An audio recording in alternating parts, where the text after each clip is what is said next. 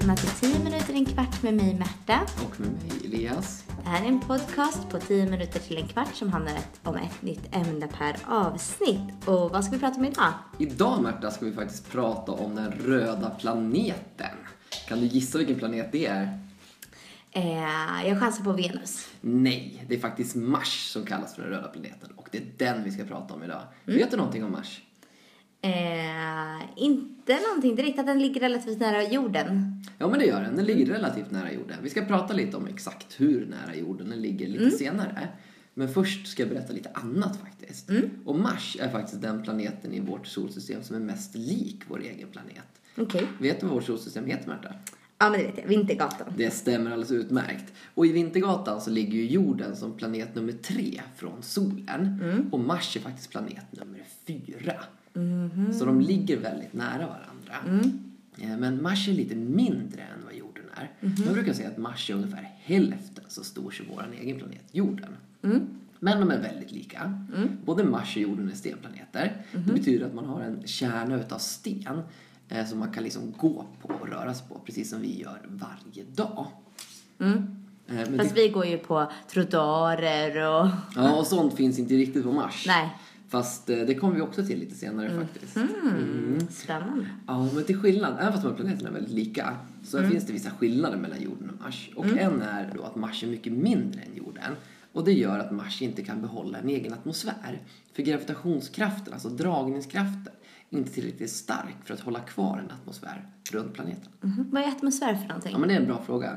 Atmosfär, det är som ett skyddande hölje av gas som ligger runt planeten. Och det här skyddar mot alldeles för stark sol eller mot stenar och annat som kommer från rymden och liksom försöker slå ner Aha. planeten. Så att här på jorden då är vi liksom eh, så försvarar atmosfären oss mot sånt i rymden medan om vi bodde på Mars hade vi inte haft något försvar. Ja, men Och exakt. det är atmosfären. Man kan tänka att atmosfären är som en rustning som ligger och skyddar jorden. Och vi skyddar då inte Mars helt enkelt. I see. Nej, Mars är faktiskt solsystemets näst minsta planet. Mhm. Bara Merkurius är mindre. Förut när jag gick i skolan då sa man att Mars var tredje minsta planeten. Just för då det. Mm. räknade man Pluto. Men nu gör man inte det längre. Just det.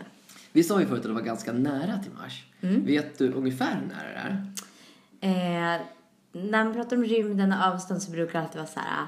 Det skulle ta 20 000 år att åka dit. Så jag chansar på 2000 år eftersom att det är nära. Ja, Nej, men två det är år. Mm. två år. Ja, men det är en ganska bra gissning. Man brukar säga att det är ungefär 56 miljoner kilometer Mhm. till Mars. Så det är i rymdtermen precis runt hörnet, Mm. kan man säga. Men på grund av att Mars rör sig så himla mycket Mm. eh, och har en ganska ojämn bana när den rör sig runt solen så den är ibland närmare jorden och ibland längre ifrån jorden. Mhm. Ibland kan det faktiskt vara så långt som 400 miljoner kilometer bort till Mars. Mhm. Men när Mars är som närmast jorden då brukar man säga att det tar mellan 6 till 10 månader att åka dit. Okej. Ja, men det är inte så länge. Eh, nej, det är inte så länge, men det är ändå ganska länge om du tänker att du ska åka iväg eh, alltså ett halvår Bara för att komma dit. bara för att komma dit. Och inte bli skyddad av någon rustning. Inte bli skyddad av någon rustning, utan Nej, det bara liksom... jag, hopp, jag hoppar den Du tippen. hoppar den, ja. Vet du vad? Det är nog ganska många som har gjort. Man brukar ofta fråga om det har varit någon på Mars. Mm. Och det har det faktiskt inte varit än. Inte vad vi vet i varje fall. För även om vi människor tycker att Mars ligger ganska långt bort med Mm. de här 56 miljoner kilometerna så har vi faktiskt känt till Mars väldigt, väldigt, väldigt länge. Vet du hur länge vi har vetat om att det finns en planet som heter Mars?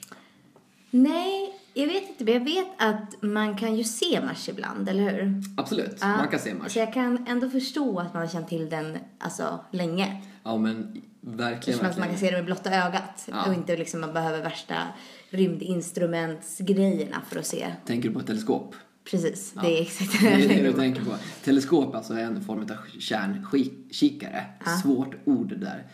Stjärnkikare. Ja. Du har uttalat det för dig själva. Ja, jag Nej, men man har faktiskt känt till Mars jätte- jättelänge. Sjukt länge. Alltså från förhistorisk tid brukar man säga. Alltså långt innan romarna och grekerna och Egypten och allt där. När är det då? Ja, Ungefär men är det? babylonierna och sådär. Man kan tänka ungefär 4000 år sedan ungefär. Alltså Ja, det är jätte, jättelänge sedan. Ja, verkligen. Och det var faktiskt också då som Mars fick sitt namn.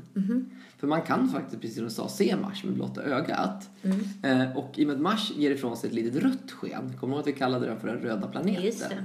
Så är det ganska enkelt att urskilja den på himlavalvet jämfört med de andra stjärnorna.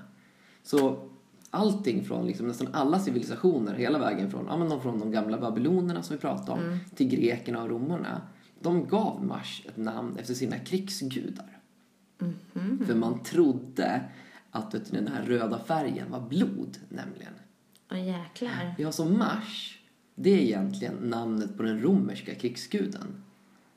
Mm. Som då uppenbarligen hette Mars. Ja, som då hette Mars. Så att om det var typ någonting i Norden som hade givit namn så kanske de hade hetat Tor. Ja, det hade det absolut gjort. Alltså när grekerna gav den namnet Ares så var deras krigsgud.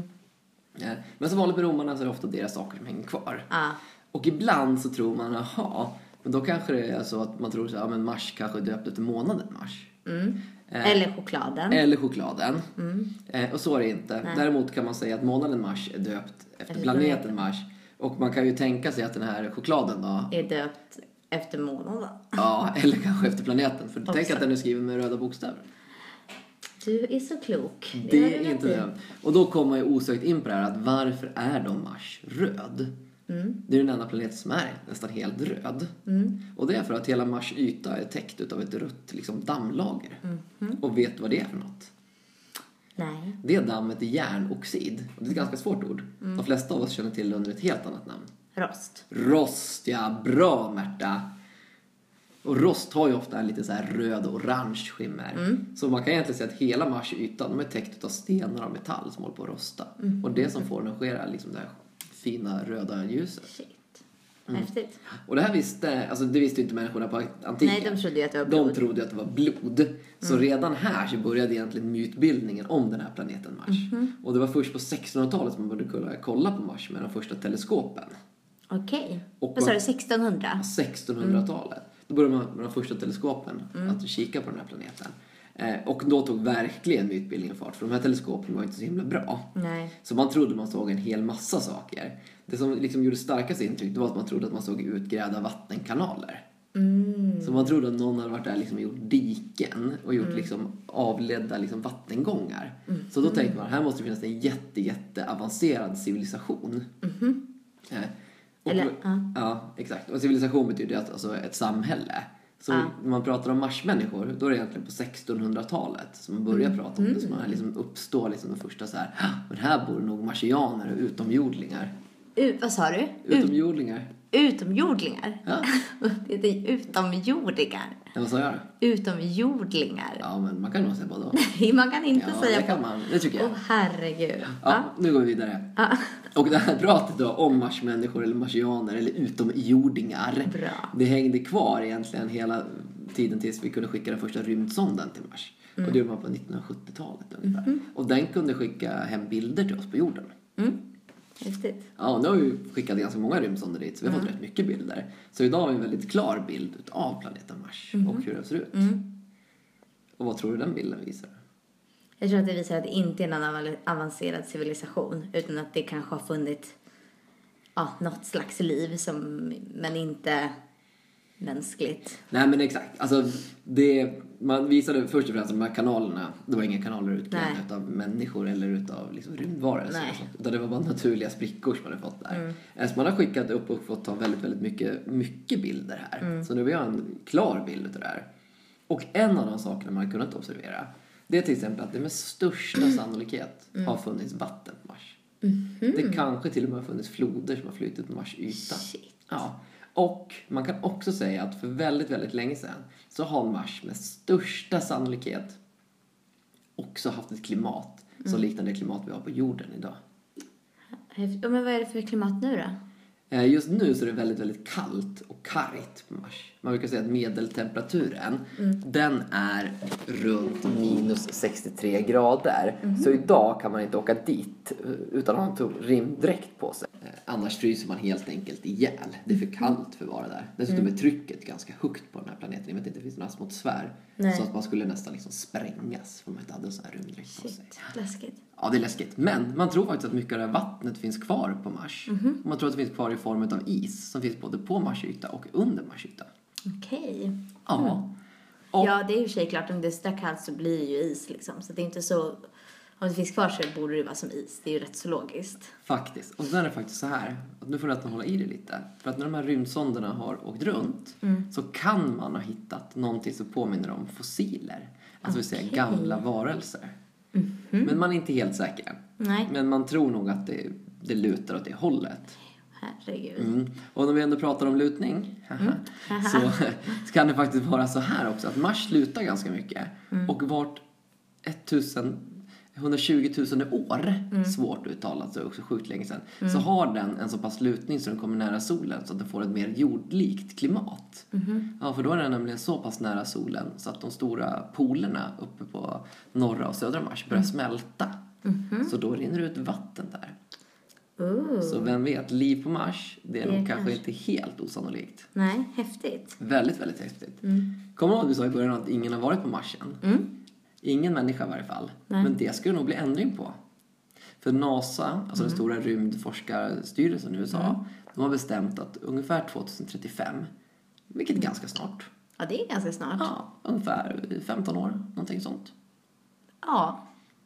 Vi kan tänka på det här en Vi kan stund, du och jag, matematikerna. Ja, men ungefär 15 år. Ja. Så ska man försöka skicka upp en expedition för att landa på Mars. Mm.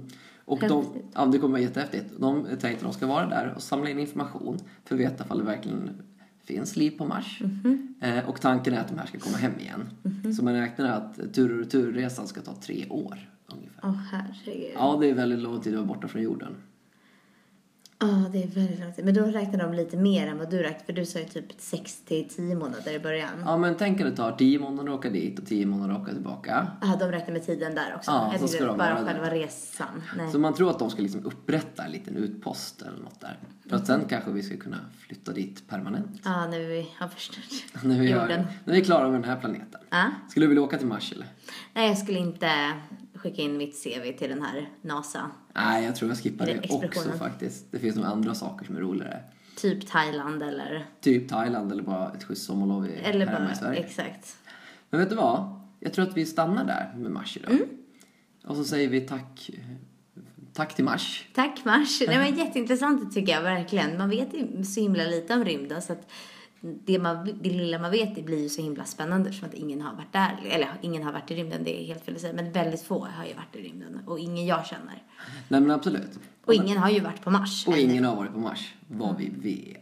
Du, du, du, du. Vi vill säga tack till vikarielärare som den här podden gjorde i samarbete med. Tack vikarielärare. Ni kan hitta den här podden på www.vikarielärare.se. Eh, Ni kan också hitta den på sociala medier. Vi finns på Facebook som vikarielärare. Gå in och gilla oss. Eller på Instagram som vikarielärare. Gå in och följ oss. Till den här podden finns det också massvis av lektionsmaterial. Det finns en lärarhandledning med övningar och uppgifter som går att använda innan, under och efter den här podden. Den hittar ni i vår kunskapsbank på vår hemsida.